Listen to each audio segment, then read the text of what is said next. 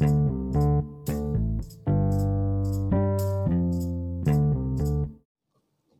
heyo. Kembali lagi di podcast kita berdua, Jajudu. Ijal Ijul. Ngalur ngidul. Sedap.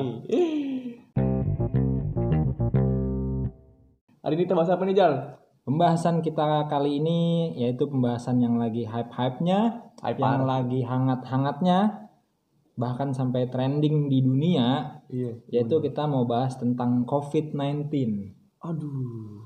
Virus dong nih bahasin dulu. Permasalahan dunia nih, permasalahan corona. Dan kebetulan kita udah kedatangan narasumber yang sangat luar biasa. Wadadaw, sedap. Jadi kita di sini tuh nggak mau ngebahas tentang COVID aja ya. Jadi eh, di sini kita mau ngangkat COVID dari sudut pandang filsafat yang pasti juga. benar benar benar benar. benar. Gimana pendapatnya dari seorang filsafat? Ya, ya, gitu gimana pendapat dari seorang filsafat dan nanti kita juga mengungkapkan beberapa pendapat kita walaupun itu tidak terlalu penting. ya, kita di sini udah kedatangan sama dosen kita tercinta, kakanda kita tercinta yaitu Bapak Sahal Mubarok. Yes. Silakan sambutannya Bapak. Eh, Oke, makasih eh, Adinda, Sedap. Ijal dan Ijul yang telah menginisiasi eh, program podcast ini ya. Iya. Ya, Dan eh, gue sebenarnya eh, cukup senang dan sangat eh, bahagia gitu ya. Prinsip dasarnya adalah ini berangkat dari kepercayaan. betul. Dan gue sangat menghargai kepercayaan kalian berdua karena mungkin banyak dosen lain atau orang lain yang lebih pantas tapi kan nggak eh, eh, nggak semuanya orang itu mau eh, melibatkan orang lain atau mengundang orang lain kalau dasarnya tidak kepercayaan Iya, betul. jadi Betul, setuju. yang paling bikin gue senang adalah gue dapat kepercayaan dari kalian berdua gitu. Itu apa poin kedua gitu. Oke, eh ya waktu itu lu WA gue ya. Ya, Yo. Dulu. Malam itu gue inget banget WA Malam. dan gimana itu ceritanya tuh? Ah, jadi kan saya sama Ijul nih emang karena gabut, karena kebijakan pemerintah yang suruh di rumah aja. Iya. Cuma kan kita berdua kalau di rumah aja tanpa ngapa-ngapain kita nggak bisa, Pak. Kita harus membuat sebuah karya. Gitu. Seenggaknya bisa dinikmati orang orang lain lah gitu. Mm, akhirnya kita memutuskan untuk membuat podcast dan kita udah ada beberapa episode kemarin kan. Baru satu sih ya sebenarnya. Satu. Dan itu cuma bahas tentang apa ya transisi sudut pandang kita sebelum menjadi mahasiswa dan setelah menjadi mahasiswa. Sedih. Gitu. Nah, sekarang kan di sini, oh ya ini for information ya, Pak Sahal ini dosen gue dan dosen Ijul dan dia selaku sebagai wadik tiga Sedap. di universitas yang gue jalanin. Nah, nih Pak, kita langsung ke pembahasan aja nih Iya, Pak. oke. ya. Iya. Ini pembahasannya serius tapi santai. Relax, relax, cool down. Nah, kan pembahasan kita tentang COVID nih Pak. Menurut Bapak, apakah COVID itu benar-benar baru datang atau corona itu baru datang baru-baru ini gitu? Kan kemarin orang pertama yang terkena tuh kan di Depok ya, Iya. ibu-ibu dan anak tuh Yang katanya orang Jepang itu ya. Heeh, yang tertular orang Jepang di bandara itu kan baru beberapa bulan lah. Nah itu menurut Bapak nih apa emang benar Itu mereka pertama. orang pertama yang terkena? Oke, eh gini ya, sebelum jauh ke situ gue harus disclaimer dulu gitu. Sedap. Jadi gue ini eh, bukan saintis atau ahli ilmu medis ya. Iya, iya. Background gue filsafat. Mm. Maka gue mau bicara dan merespon ya pertanyaan-pertanyaan dari eh, kalian itu dari sudut pandang background gue itu filsafat. Betul. Sekarang eh, isu COVID ini sebenarnya tidak semata persoalan medis atau sains yang objektif itu sendiri ansih ya, Mm. tapi dia sudah masuk bagian dari fenomena sosial. Iya. Nah, gue rasa di situ filsafat bisa masuk untuk menganalisa dan membaca ini gitu, untuk kita diskusikan gitu. Fenomena sosial yang gue maksud adalah tidak semata persoalan COVID-19-nya, virusnya ini, tetapi efek sosial sosial dan politik dan ekonominya. Nah, itu. Nah, gue mau coba eh, sedikit bicara sana eh, dalam konteks itu gitu. Nah, tadi pertanyaan lu itu apakah benar COVID ini pertama kali? Gue ngeri lu salah alamat gitu. Karena gue bukan menteri kesehatan Iya gitu ya. juga sih ya. Dan bukan ahli di bidang itu. Tapi setidaknya eh, COVID ini dari beberapa informasi dan artikel yang gue baca memang eh, sebenarnya ini eh, COVID sejak Desember, akhir Desember itu sudah ada di Wuhan itu Cina. Iya. Hmm. Dan negara kita saat itu masih santuy aja ya. Santuy. Meskipun sudah tahu informasi itu. Iya. Eh, nah, eh, soal COVID ini buat gua adalah fenomena menjadi tragedi eh, global ya. Iya. Tidak hanya kita sebagai lokal Indonesia, masalah dunia Eh, masalah dunia dan isu-isu isu-isu dunia, isu kita semua, di mana eh, hampir kurang lebih 150 negara itu sudah terjangkit terkena COVID-19 ini Iya, gitu. betul. nah, dan hampir hampir sampai satu juta ya yang sudah tewas, Tewas. ya, meninggal karena virus, Virus ini. corona ini. Merasa itu aja sebenarnya sosialnya gitu. Tapi ini kalau menurut Bapak, Hmm. buat mereka-mereka tuh orang-orang yang ada di garis terdepan gitu, kayak misalkan dokter-dokter yang nanganin kayak gitu, terus itu kan pasti dapat achievement gitu Pak. Hmm. Kalau untuk kalangan bawah, kayak misalnya penjaga Indomaret atau penjaga toko swalayan gitu, mereka kan harusnya punya hak yang sama gitu kayak dokter. Ibaratnya mereka yang suplai makanan ke kita, mereka yang suplai sumber-sumber daya yang kita butuhin gitu. Apa mereka bisa- perlu juga dapat hak achievement juga gitu? Ya sebenarnya dalam isu COVID ini kan sudah tidak lagi eh, melihat siapa dapat apa dan siapa yang berhak apa. Iya. Ini soal kemanusiaan ya.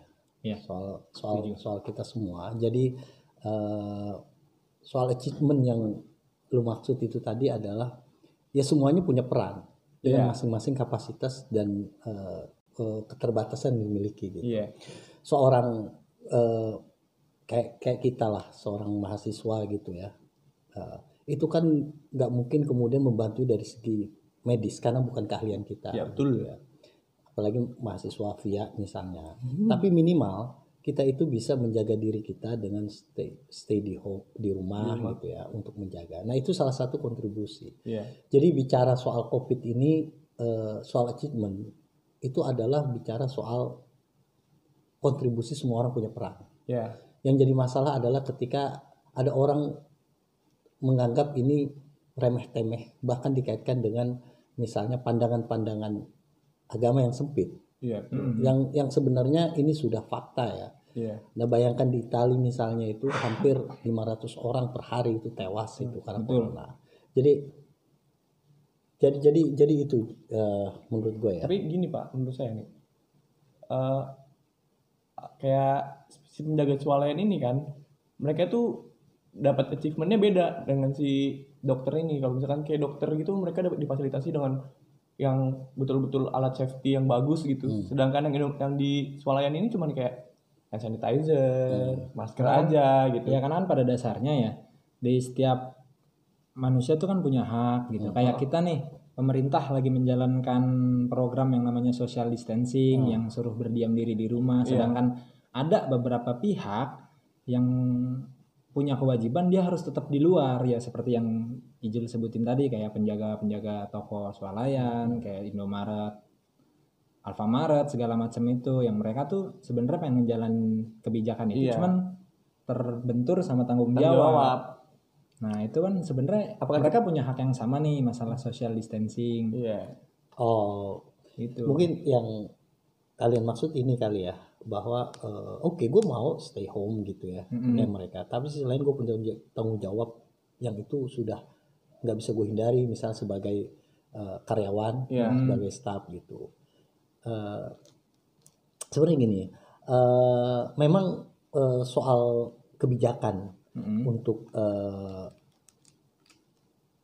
WFA itu work from home gitu ya atau stay di rumah aja itu kan kebijakan yang eh, punya banyak konsekuensi khususnya konsekuensi ekonomi. Ekonomi, ya.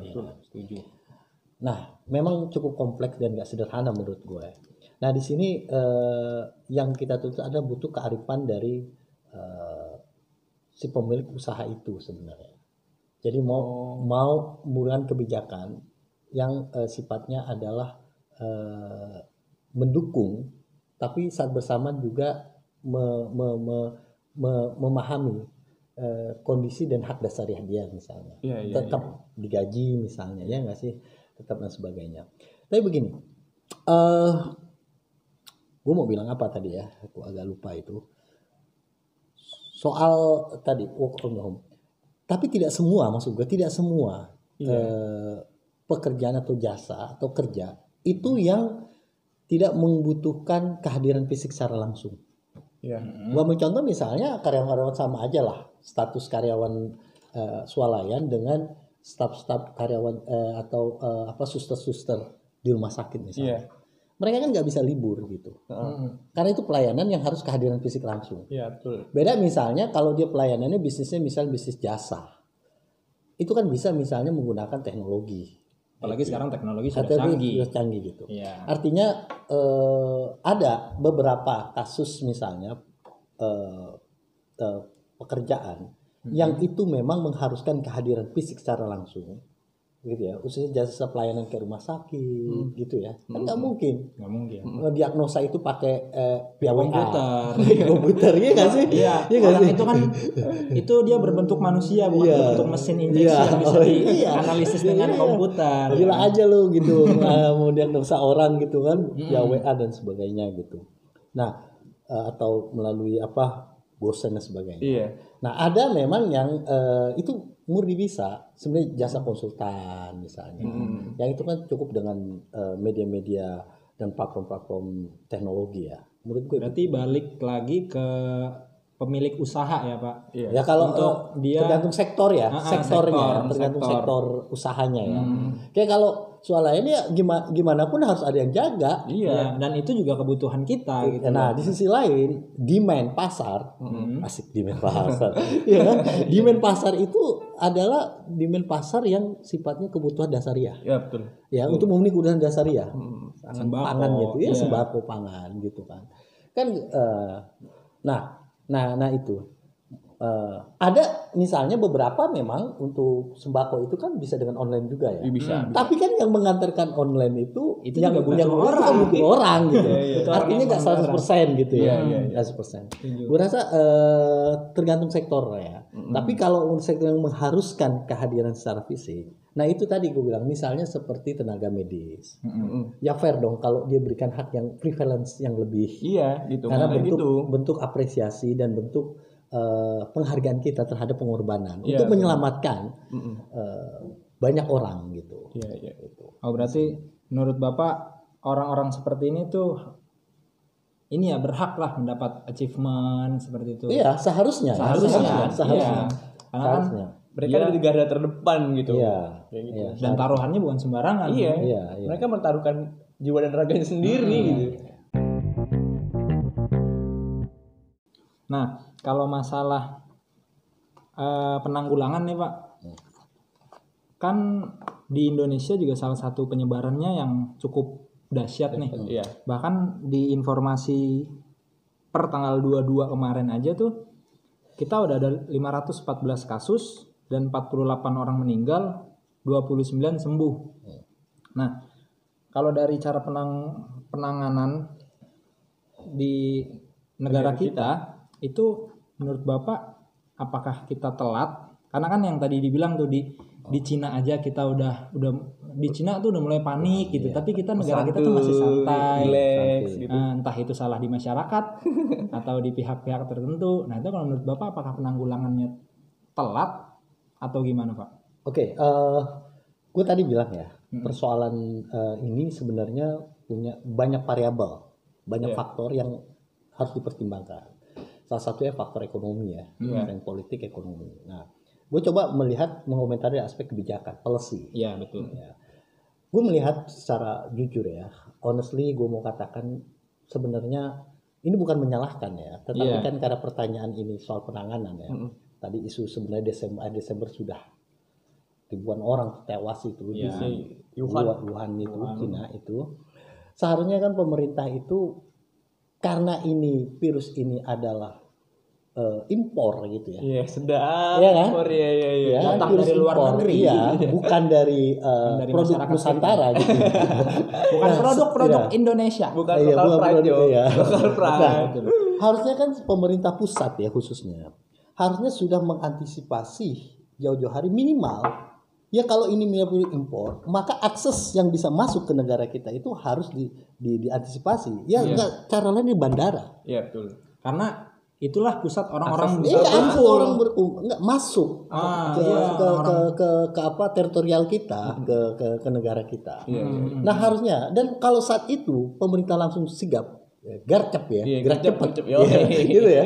itu kan berapa sih habis paling anggaran untuk buat alat yang deteksi itu? Iya.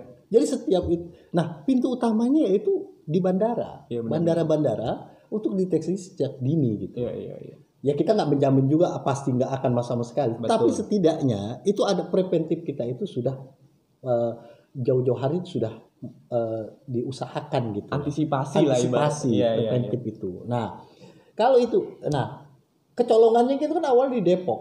Iya. Mm-mm. Nah, setelah ditelusuri ya di di, di flashback itu ternyata ini dari orang apa Jepang. Jepang. Jepang. Nah, artinya kalau dia orang Jepang kan nggak mungkin dia itu datang jatuh dari langit langsung ke tanah air kan mulai bandara gitu. Iya, iya. Dan dia yang bertemu di bandara. Dan dia Iya, gimana? iya, Nah, kalau iya, dideteksi iya, iya. dari awal, itu Ah. kan minimal itu kan eh, apa virus itu nggak akan punya terjangkit ke orang lain. Orang lain iya benar-benar. Lu bayangin ini virus gila.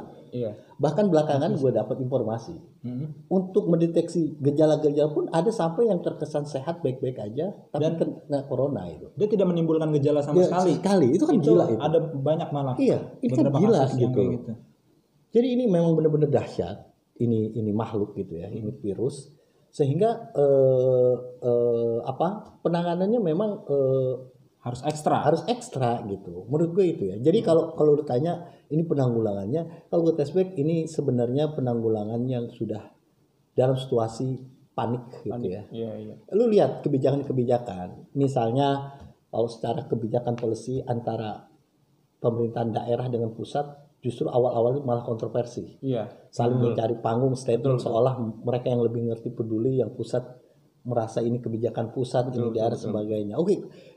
Kita nggak bicara soal politik atau uh, soal apa uh, pro A atau B ya, tapi persoalan ini soal virus yang cukup dahsyat gitu Dan nggak bisa disepelekan. dan dan sangat tidak bisa disepelekan gitu. Iya. Harus kan kayak gitu ya. Mhm. Namanya gue bilang eh, secara policy, gue ingin mengatakan honestly sekali lagi bahwa ini memang agak lambat, gak garcep Hmm. pemerintah kita. Gitu.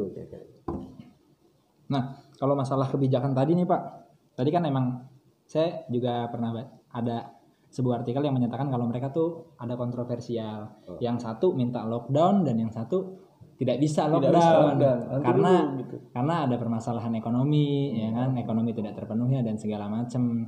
Nah, kalau menurut Bapak emang lebih baik harus di lockdown atau cuman yang sekarang lagi dijalanin kayak social distancing gitu. Itu gimana Pak pandangan Bapak? Lu kalau ngelihat arahan-arahan, statement kebijakan baik eh, pusat maupun daerah, sebenarnya itu gamang. Gampang. Gamang dalam artian gini, diwajibkan, diharuskan untuk stay dan perusahaan eh, perusahaan dan sektor-sektor formal maupun informal itu aktif di luar ruang eh, luar eh, di, di di di apa? Di ruang publik atau tidak. Itu tidak secara tegas dikatakan ya. Iya. Dibilang lockdown apalagi tidak Betul. ngerti nggak lo? Iya, iya. Masih Jadi gampang kalau ya, ngeliat tuh ngambang ini Iya, kebijakan. Ini menunjukkan ada efek psikologis, ke- kecemasan psikologis iya. untuk keberanian mengambil keputusan yang tegas. Iya, iya, iya. iya. Baik pusat maupun daerah, khususnya Hmm. pusat.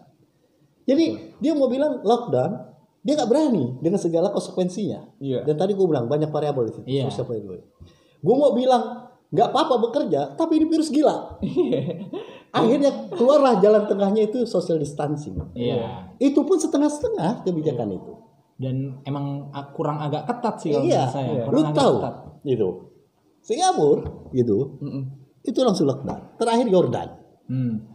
Begitu kemudian virus mengejala, menggeliat, terus informasi berkembang, itu langsung berani mengambil keputusan lockdown. Lockdown. Bahkan di Arab pun diambil Apa? lockdown, Lockdown, langsung benar-benar tutup, Iya, iya. umroh segala macam nggak Iya. ada. Eh, apa kelihatan ritual itu ya. Mm-mm. Jadi itu itu yang gua gua apa gue lihat. Jadi gue ngelihat sudut pandangnya itu dari ke- kalau kita telaah gitu ya dari kebijakan arahan instruksi itu ada kegambangan menunjukkan ada aspek kecemasan psikologis dan ketidakberanian mengambil keputusan secara clear cut. Iya. Ini harus gua apain Iya, iya. masyarakat gua. Hmm. Ya kalau memang misalnya seharusnya declare aja deh Iya. kita harus lockdown, lockdown, tetapi kita banyak pertimbangan secara ekonomi. Mm-mm. Kita ap- misalnya, eh, misalnya kalau gue boleh agak sedikit so- eh, gaya-gayaan gitu ya, misalnya ya, eh, fisikal kita itu apa belum belum siap, Siap. gitu Ya, ya, secara Iya, iya, ekonomi kita belum siap Iya, iya, misalnya, iya, iya, iya. atau misalnya kita punya anggaran tapi anggaran kita belum siap. Tapi kan itu bisa kemudian melalui Menlu kemudian melakukan negosiasi diplomasi ke misalnya eh, eh, dunia internasional untuk bantuan negara-negara lain, gitu Betul, kan? Betul, betul, betul. Iya kan? Iya, iya, misalnya eh, Asian Development Bank Dan di negara lain juga siap untuk membantu sebenarnya Iya, untuk masalah corona ini. corona ini Ah, gitu kan. Kayak kemarin kan baru dapat dari Cina juga kan kita kan? Iya, Iya, beberapa iya. vaksin. Artinya artinya itu gimana caranya kita itu dapat anggaran untuk bisa menopang kebijakan lockdown ini. Iya, iya, iya. Nah, secara internal nasional, ya kumpulkan saja misalnya ya katakanlah orang-orang pengusaha-pengusaha kaya, pengusaha besar Iya.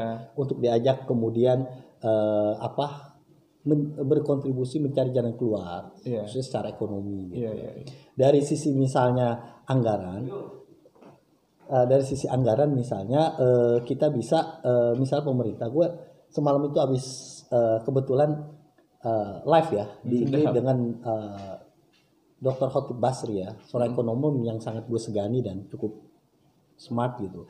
Dia bilang sebenarnya bisa aja misalnya minimal Jok- Jokowi sekarang, gue sebut Jokowi aja, Pak Jokowi ya, presiden kita aja lah. Karena memang dia yang punya kebijakan Iya. di saat itu. Minimal setidaknya mereakul, eh, re- eh, relok- realokasi anggaran Iya. dan yang menjadi apa program-program prioritas sekarang ditunda dulu deh. Semua difokuskan untuk Corona ini. corona ini. Untuk COVID. Kan gitu kan. Nah, kemudian ada eh, civil society bergerak, gue udah mendengar dan kita lihat semua ada yang bikin crowdfunding untuk eh, donasi-donasi. Iya, iya, iya. Artinya masyarakat kita ini udah teruji dong dengan kasus tsunami misalnya. Iya. Dan teruji. baru kemarin juga ada sekelompok pemuda yang membagikan masker secara gratis di jalan Bundaran HI, Pak. Iya, artinya artinya jiwa sosial ya, jiwa volunteer Iya. kita tuh masih ada dan banyak masyarakat kita gitu. Ya, jadi itu ini menurut gue ini aduh Karena tidak berani kalau aja. masalah perekonomian atau kebutuhan, karena emang nggak bisa dipungkiri kita tuh banyak, khususnya di ibu kota ya Pak, itu banyak ngambil bahan-bahan tuh dari luar provinsi. Nah, itu. Jadi kalau ditak- stok kalau- makanan Ah, gitu ah. Jo. Jadi Iya. kayaknya kalau lockdown nanti kita kekurangan bahan tersebut. terus perekonomian di kampung-kampung sana itu nggak laku nggak kejual juga gitu kan. Gini, lockdown itu kan sebenarnya mengkarantina wi- wilayah gitu ya. Iya. Hmm. Nah ini kan yang paling eh, ini sekarang Jakarta gitu Iya, ya. paling Meskipun provinsi lain juga tidak eh, ada. Artinya kan lockdown ini bisa dikebijakan untuk wilayah-wilayah tertentu saja. Misalnya wilayah Jakarta. Maka lockdownnya itu di luar wilayah nggak bisa ada harus masuk di luar eh, Jakarta. Dan yang Jakarta sendiri harus staying Stay in di, Jakarta. di rumah gitu. Jadi gitu. Jadi bukan berarti lockdown ini eh, misalnya seluruhnya dikarantina. Ya dilokalisir.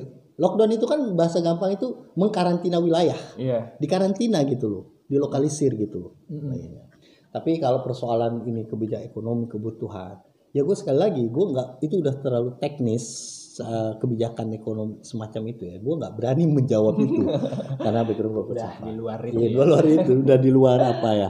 Eh, di luar inilah kapasitas ya. Iya, iya, di luar ini gua gitu. Lu mungkin besok bisa nunggu bintang tamu yang lain lah yang lebih paham soal ini gitu ya.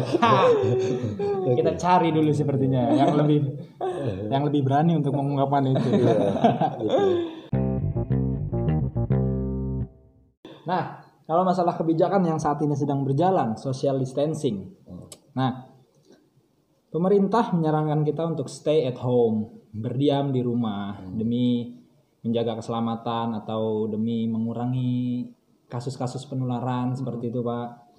Nah tapi masih banyak aja nih Pak masyarakat-masyarakat kita yang agak nakal lah kalau dibilang. santuy ya emang tuh Karena beberapa nggak bisa dipungkiri ya, mindset orang Indonesia tuh gokil pak.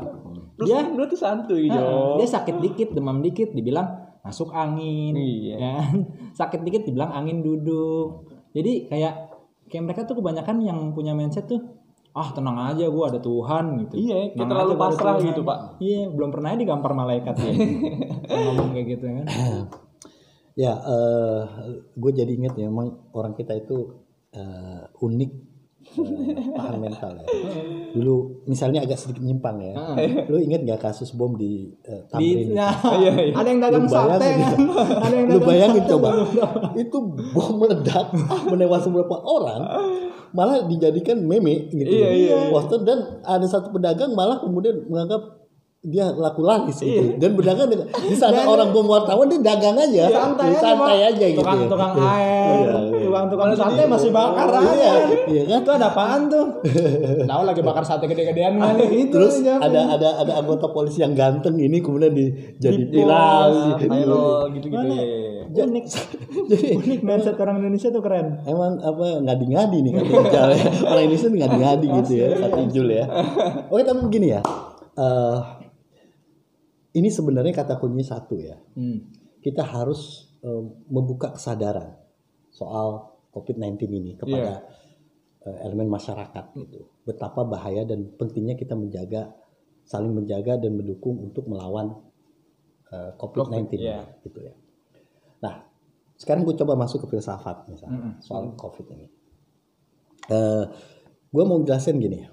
Eh, gue bilang kan, gue mau lihat COVID ini dari sudut pandang filsafat. Iya. Ya itu kayak gimana sih sebenarnya? Iya, iya. Ya, kita masuk lah ya. Masuk, masuk. Tadi eh, sudah banyak Tadi kita intermezzo. intermezzo kita ya, bercanda ya. Sampai gue ditanya, padahal gue bukan ekonom gitu ya.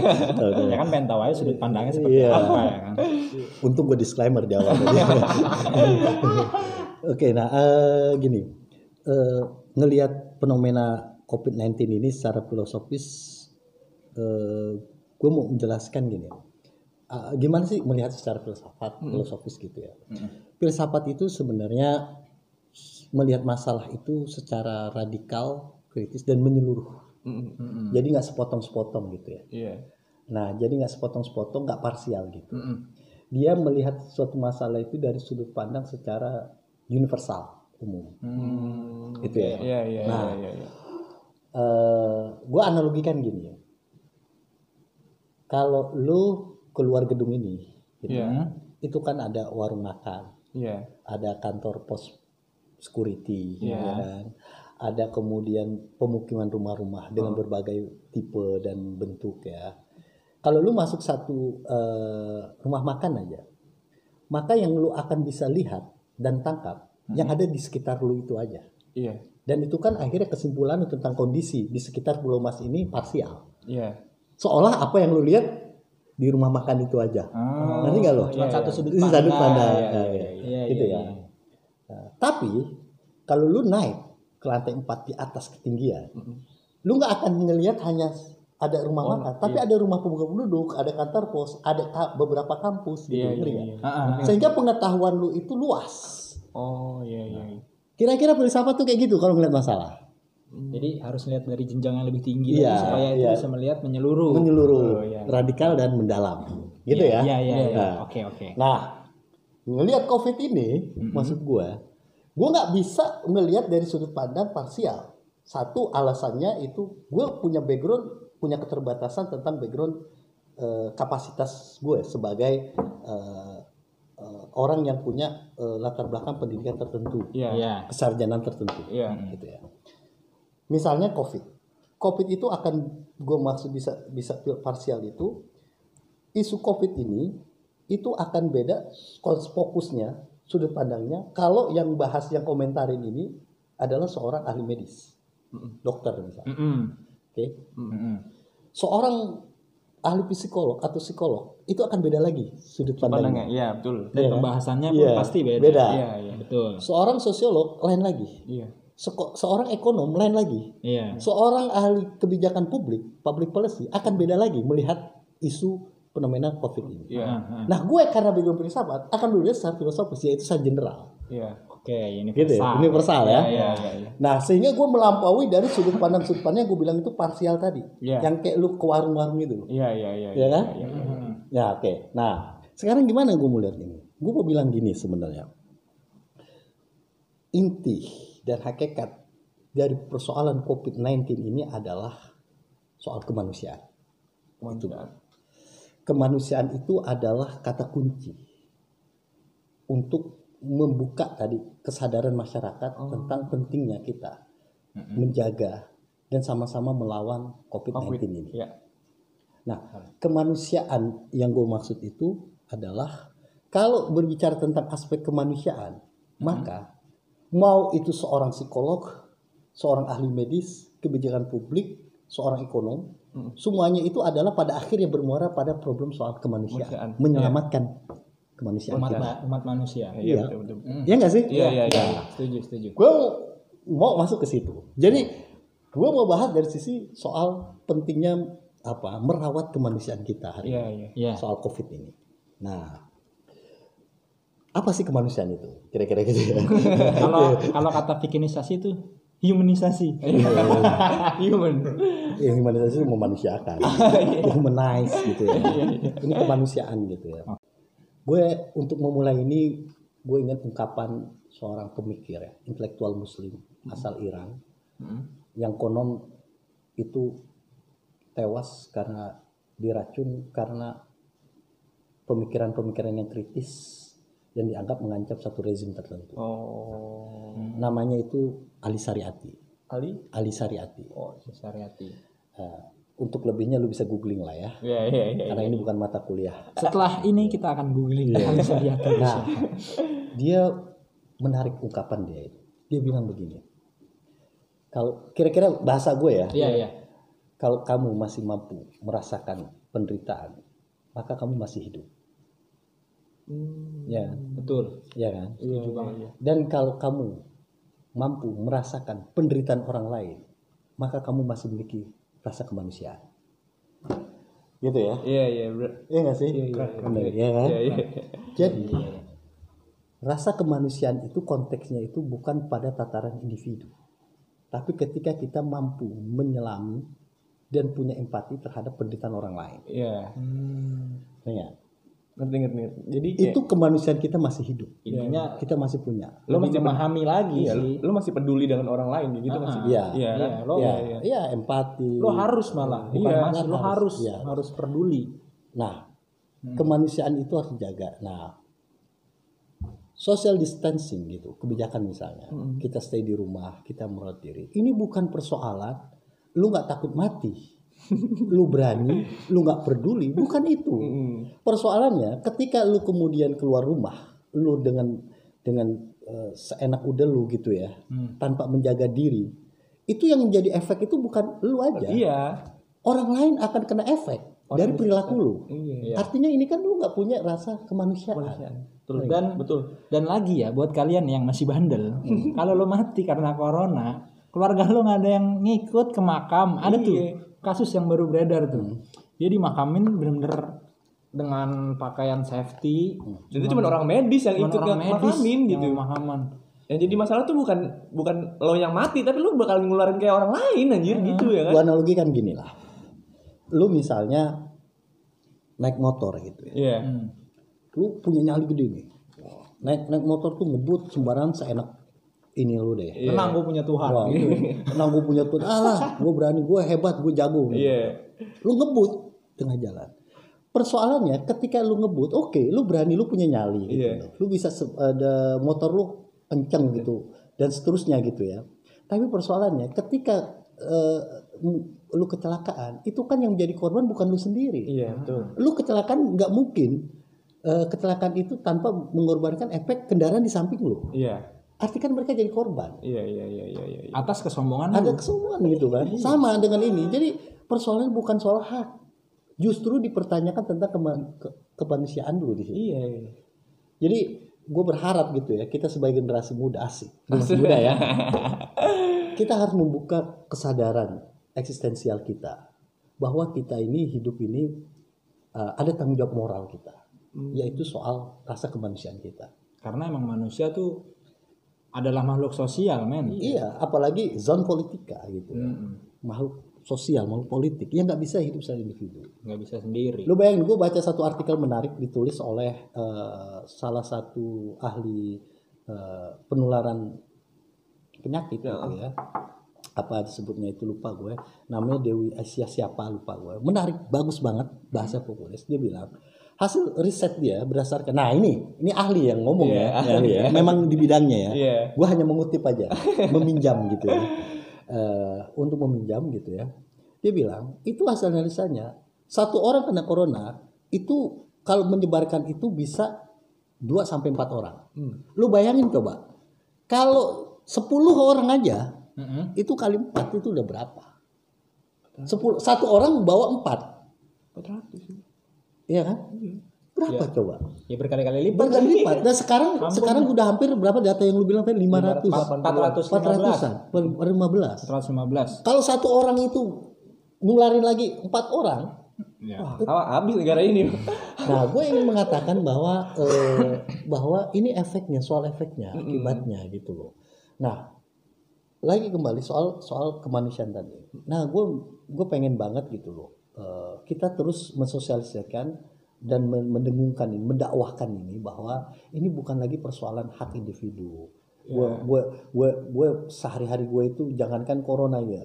Gue gue mau ditabrak mobil pun gue udah pasrah karena hidup gue udah udah susah dan sebagainya. bukan itu persoalannya. Iya, iya, iya. ini persoalannya persoalan kita harus punya empati terhadap eh, apa ya keselamatan orang lain. Ini soal survival soal nyawa orang gitu loh. Kita harus punya rasa itu tadi kemanusiaan itu. Iya. dan itu secara imperatif moral kalau menurut istilah Kant Immanuel Kant itu seorang filsuf dari Jerman itu dia bilang itu sesuatu yang udah imperatif. Imperatif itu apa ya? Ya udah harus secara rasional logis yang nggak bisa kita tolak gitu. Dan kalau lu nggak punya rasa kemanusiaan itu dipertanyakan akan lu sebagai manusia. Ah, lu manusia apa? Bukan? atau bukan gitu. Ah. jadi begitu Jajul ya jadi eh, persoalan corona ini menurut gue ini gini hari ini yang kita bahas hari ini yang kita diskusikan yang kita sharing adalah kita sebenarnya sedang membedah dan membicarakan dan meng, eh, apa apa eh, Menganalisis. menganalisis bahkan menggugah kemanusiaan kita itu sendiri. Iya, betul betul betul. Jadi apa yang kita bicarakan adalah kita sedang berbicara tentang kita, Kita, iya. bukan orang lain. Kita sedang berbicara tentang kemanusiaan kita sebagai manusia. Jadi kalau kalau lu merasa manusia, lu harus memanusiakan manusia, yaitu dengan menjaga dan merawat kemanusiaan kita. Gimana caranya dalam konteks COVID-19 ini? Ya lu harus menjaga diri lu. Tetap minimal sekarang itu menjaga higienitas diri kita semaksimal kita. Dan kita melakukan social distancing gitu. Ya kan? Menjaga jarak interaksi sosial gitu. Nah, dengan dengan kita melakukan minimal, kita sudah berbuat untuk kemanusiaan kita. Betul betul betul. Gak usah jauh-jauh deh ke, ke diri kita dan keluarga aja deh. Iya, Iya. Ya. Kalau lu nggak mau nggak mau peduli sama orang lain, mama keluarga lu lah. Iya. Peduli ya kan? secara Nah, gua- secara itunya gitu aja dah. Iya. Gam- Gampangnya. Iya, gue seneng tuh dengan ungkapan lu itu. Iya. Sekarang gini, misalnya lu jangan bandel gitu kan. Ah, lah tenang aja mal. Oh, keluarga lu ketakutan. Nah, Terus lu misalnya ke keramaian, ke kerumunan ya. Lu eh, ke kerumunan, di situ salah satu kerumunan itu sudah terinfeksi Corona. corona itu. Terus lu kena, terus lu pulang. ya yang kena Yang kena siapa? Keluarga. Lu. Jadi lu oke deh lu gue seneng gue seneng dengan ungkapan lu gak usah lu ngomong jauh-jauh untuk bangsa untuk Iya. minimal untuk nyokap bokap lu deh orang-orang yang lu cintai gitu lu lu nggak usah so nasional Iya. nasionalisme Iya, lah iya. udah lu masih punya keluarga masih punya ibu yang lu cintai masih punya ayah yang lu sayangi ya kan udah lu peduli aja sama mereka gitu untuk ngelakuin social distancing ini Iya. Kembali lagi pada diri lu dulu gitu. Lu baikin diri lu dulu baru lu boleh komentarin orang lain juga gitu kan. Sebenarnya sama aja kayak gitu kan. iya Iyalah. emang kadang kalau emang- kita susah sih pak kalau ngelawan mindset mindset orang Indonesia yang sangat sulit. kebal ini nih enggak eh, tadi gue bilang ya ini persoalannya kan kita butuh menginformasikan secara baik Iya, betul. Nah, Jadi kata kuncinya satu, itu harus pandai-pandai eh, kita menarasikannya secara dengan storytelling yang baik. Iya. Se- sebagus apa pun sebuah alasan, Heeh. gagasan, lu bayangin itu fakta yang nggak bisa kita tutup mata lagi soal COVID-19 ini, ya. Iya, iya. Itu masih ada aja orang yang menolak. Artinya, ini kan bukan soal semata-mata faktanya itu benar atau enggak, valid atau tidak, tapi bagaimana how we explain it, gitu loh. Dan gimana kalau itu kena di lu? gitu? Iya, gimana kalau gimana kita membuat narasi ini dengan storytelling yang baik? Iya, betul. Karena argumentasi itu hanya bisa menjelaskan, tapi tidak bisa menggerakkan orang. Iya, iya, iya, iya, iya. Tapi kalau dengan storytelling yang baik, kayak dongeng apa, Mm-mm. orang itu imajinasinya jalan hidup dan dia akan menginspirasi dan bergerak. Oh, jatuhnya motivasi kayak gitu. Iya, orang. Tapi kalau argu- argumentasi itu hanya mau menjelaskan, lu hanya mangut-mangut selesai. Ya udah ini gitu. logis, ini nggak logis, opek gitu dan sebagainya. Tapi tidak mampu menggerakkan. Iya, iya, iya. Nah, makanya tugas civil society sekarang, ilmuwan, khususnya pemerintah dengan juru bicara juru bicaranya, ayolah mendakwakan ini dengan membuat storytelling sebaik mungkin. Narasi-narasi yang menggugah, menginspirasi, membuka cakrawala ya, wawasan dan kesadaran masyarakat untuk mau peduli dan satu satu komando terhadap kebijakan dan harapan kita semua pemerintah dan kita semua gitu. Berarti Jadi warga- problemnya soal komunikasi menurut gua. komunikasi ya.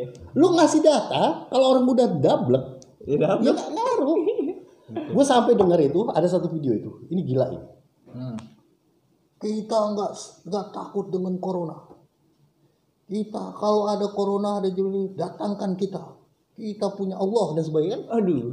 Ini bukan persoalan Allah atau bukan ada ada nggak ada Allah. Iya, iya, iya. Lu tahu, corona ini adalah bagian dari sunatullah, sains. Ini sains, ada sebab ada akibat. Bisa dijelaskan seperti Dan ini ciptaan siapa? Ih, dan da- dan sunatullah adalah bagian dari hukum Tuhan itu sendiri. Jadi ketika lu melawan ini, lu sebagai secara eh, secara langsung maupun nggak langsung, lu melawan hukum Tuhan itu sendiri. Nah, iya gitu. betul. Saat bersamaan, iya, menolak, menolak, Iya. menolak menolak hukum Tuhan. Tuhan sendiri yang saat bersamaan lu anggap Tuhan itu eh, Ada bersama lu. ada bersama lu gitu loh. Jadi ini kan kayak kontradiksi, Kontradiksi. paradok Iya. gitu loh. Kontradiksi sih. Kontradiksi. Di satu sisi lu mengagungkan kekuasaan kesempurnaan Tuhan, saat bersamaan lu terderai hukum Tuhan itu. Iya, sendiri. Lu terderai kebijakan Tuhan. Lu terderai misalnya arahan Tuhan gitu. Oh, berarti kalau yang saya tangkap nih Pak ya, kita pasrah boleh, tapi tetap harus us- usaha gitu kayak kayak doa terus Harus disertai dengan usaha. iya gitu kan. Begini, eh gue mohon maaf ya, gue agak sedikit komentar sedikit sebagai teolog lah ya, atau mubalik gitu ya. Ya. Sentimen apa sentil-sentil dikit nggak apa-apa. Iya, begini ya. Kalau dipahami misalnya cerita tentang bagaimana eh, kasus sejarah Nabi Muhammad misalnya. Gue dalam perspektif teologi Islam ya, karena gue Muslim, gue nggak berani dengan perspektif lain. Itu sebenarnya eh, kalau memang semua karena Allah ada Allah, kenapa Nabi pernah kalah dalam perang? Iya nggak sih? Iya, benar-benar. Iya nggak sih? Iya iya iya. Satu, kedua, kenapa Nabi harus bikin strategi, bikin trik? Supaya menang ya kan. supaya menang. Iya, iya. Artinya ikhtiar usaha dari manusia itu harus tetap ada Iya. semaksimal mungkin. Benar-benar. Baru kemudian lu bicara soal tawakal, Iya. pasrah. Sebelum- Makanya sebelum diktum tawa- berarti sebelum tawakal harus ada Oh ikhtiar. iya dong. Iya dong. Lu taruh, Dengarkan itu. sekarang lu taruh aja handphone lu atau motor lu itu sesuka lu di ruang publik. Iya. Ya kan? Iya. Terus lu tinggalin lu makan dulu ke mana gitu ya. Terus lu bilang eh jangan sembarang nanti hilang. Ada Tuhan gitu. Kira-kira kalau ada ada emang maling di situ ya, kira-kira Tuhan bisa mencegah nggak maling itu ngambil? Iya enggak. Bisa nggak? Nggak bisa. Nggak bisa. Bukan berarti Tuhan nggak maha kuasa. Iya. Ada hukum Tuhan tadi sebab akibat. Iya, betul. Jadi men, jadi ini ini ini gue bilang ini soal soal salah kaprah memahami eh, spirit dasar apa yang disebut dengan Cara berpikir, kepasrahan, ya, cara Iya. kepasrahan terhadap Tuhan gitu. Iya iya iya. Jadi banyak eh, cerita eh, tentang penyakit tone gitu ya, bagaimana sahabat sampai juga tewas gitu. Sekarang kalau dikit-dikit Tuhan, dikit-dikit Tuhan, kenapa kita harus bikin strategi dulu zaman Nabi? Kenapa harus berperang? Kenapa harus ada yang terbunuh, sahabat dan sebagainya? Kenapa lo harus kerja buat nyari harus kerja makan? makan gitu kan. Ya kan kalau ada Tuhan, kan nggak mungkin juga Tuhan tuh nyediain makan. Lo bangun tidur nih langsung ada makanan di situ nggak mungkin. Artinya begini, gue mau mengatakan satu logis ya. Ketika kita misalnya berusaha corona ini untuk social distancing, misalnya kita mengcancel, menunda kegiatan-kegiatan ibadah ritual keagamaan misalnya, entah itu eh, pengajian, entah itu sampai ke sholat Jumat misalnya, Iya, kayak itu bukan berarti kita nggak pasrah sama Tuhan atau eh, kita nggak yakin dengan iman kita. Justru dengan kita melakukan melawan itu, tadi gue bilang sama aja kita mencederai tentang eh, keesaan Tuhan itu, yaitu melalui hukumnya sunatullahnya itu. Iya. Iya, iya. Satu. Nah, jadi jadi ini kan salah kaprah. Ikhtiar dulu, baru kemudian Tawakal. tawakal. Makanya diktum Al-Quran itu eh, gini-gini gue bekas santri ya, bekas, Dia ah, gitu-gitu lulusan gontor bekas santri ya. Gue ada ayat itu gue bilang gitu, Faiza azamta fatawakal Allah. Jadi lu azam itu adalah tekad dulu, Iya. ikhtiar maksimal dulu, baru kemudian tawakal. Oh. Lu nggak bisa kemudian suka sama satu cewek. Nah, aku seneng nih ya. Iya kan? Ini, ini masuk. Iya kan? lu nggak mungkin suka sama satu cewek, sama idaman lu. Soal satu cewek itu. Eh, ini walaupun pembahasannya wanita nih tetap masuk ke filsafat ya kan Iya, ini iya. analogi. ya. Iya, analogi ya. Lu jangan salah paham. cewek. Kan nggak mungkin tiba-tiba lu suka cewek itu langsung lu ngambil air wudhu, lu puasa Senin Kemis, lu doa zikir ya. Tapi lu nggak pernah minta nomor WA-nya gitu. Dan lu gak pernah melakukan pendekatan. pendekatan gitu kan Iya kan nah ketika lu kemudian suka gitu kan lu harus ada ikhtiar manusiawi itu Mm-mm. yaitu dengan minta nomor WA-nya telepon kontaknya lu cari temen dekatnya siapa Iya. ya artinya strategi-strategi yang bisa lu lakukan untuk mendekatkan dan mengambil hatinya kan gitu. Iya, iya, iya. nah di saat bersamaan itu ketika misalnya tidak sesuai harapan sebenarnya sedari awal sudah ada kesadaran itu tadi tawakal Tawakal. Artinya ketika lu nggak dapat, di situlah baru kesadaran yang memang bukan bukan jalannya Iya. misalnya. Mungkin Tuhan ingin eh, mengasih eh, Wanita yang lebih, Lebih baik. baik. Ya nggak lebih baik juga lah ya. Kayaknya nggak enak banget. Seolah-olah dia nggak mau, dia nggak nggak baik gitu loh. Lu nggak ya. boleh gitu juga gitu loh. Mohon maaf saya salah. ya setidaknya ada opsi lain lah Iya. yang le- lebih pas gitu. Gue nggak suka itu kayak seolah-olah kalau nggak suka sama lu berarti nggak baik. Itu Bukan nggak baik pak, ada yang lebih baik. Ya kata-kata lebih kan seolah-olah kan ada yang di bawahnya gitu loh. Itu kan hierarkis bro, gitu loh. Lu lu nggak boleh begitu bro, gitu. Oke ya jadi gitu. Nah itu itu tuh poin. Nah terakhir gue mau bilang begini. Konteks tadi eh, soal eh, sebelum masuk ke closing omongan kita gitu ya. Eh, kalau orang eh, yang menolak ini kan elemen-elemen atas nama agama ya, Iya. atas nama iman, religitas Kepercayaan. kepercayaan. Kalau kita baca sejarah agama-agama besar khususnya ya, Mbak, Kristen, Yahudi, eh, Buddha dan semuanya, hampir seluruh agama itu sebenarnya agama itu hadir ya. Sebenarnya alasannya adalah karena kemanusiaan. Mm-mm. Lu lu baca sejarah agama-agama. Agama itu hadir tidak jatuh dari langit gitu aja. Dia ada konteks, ada asbabun nuzul, ada ada ada ada ada ada, ada context of discovery bahasa filsafatnya itu yang memengaruhi faktor agama itu hadir. Jadi Tuhan itu mengutus seorang rasul, seorang pembaharu, seorang guru moral. Itu karena ada ada ada persoalannya di bumi, yaitu persoalan eh, soal tadi soal kemanusiaan, ketidakadilan. Itu soal artinya agama itu hadir justru ingin merawat dan memperjuangkan kemanusiaan itu sendiri. Iya, iya. Nah, ketika lu tidak bisa merawat kemanusiaan dengan cara lu melawan COVID ini, eh, eh, melawan COVID ini dengan cara eh, tidak mau apa menjaga diri, ya, itu sebenarnya secara nggak lang- eh, sebenarnya lu sedang melawan kemanusiaan itu sendiri Iya. dan melawan kemanusiaan sebenarnya lu sedang melawan apa yang sedang diperjuang eh, yang sudah diperjuangkan oleh nabi-nabi lu. Iya. Dan melawan nabi-nabi lu sama saja lu sedang eh, tidak mau mendengar misalnya titah Tuhan. Iya. Jadi kan itu punya apa ya? premis-premis dari Dari zaman dulu. dari awal dari yang terdasar sampai yang tertinggi itu ke Tuhan jatuh. Iya. Eh, pada akhirnya tadi gue bilang fenomena COVID ini buk- bukan semata soal virus itu sendiri semata, tapi sudah bicara soal eh, kemanusiaan Kemanusiaan. kita. Ya. Nah, makanya kita harus merawat kemanusiaan kita.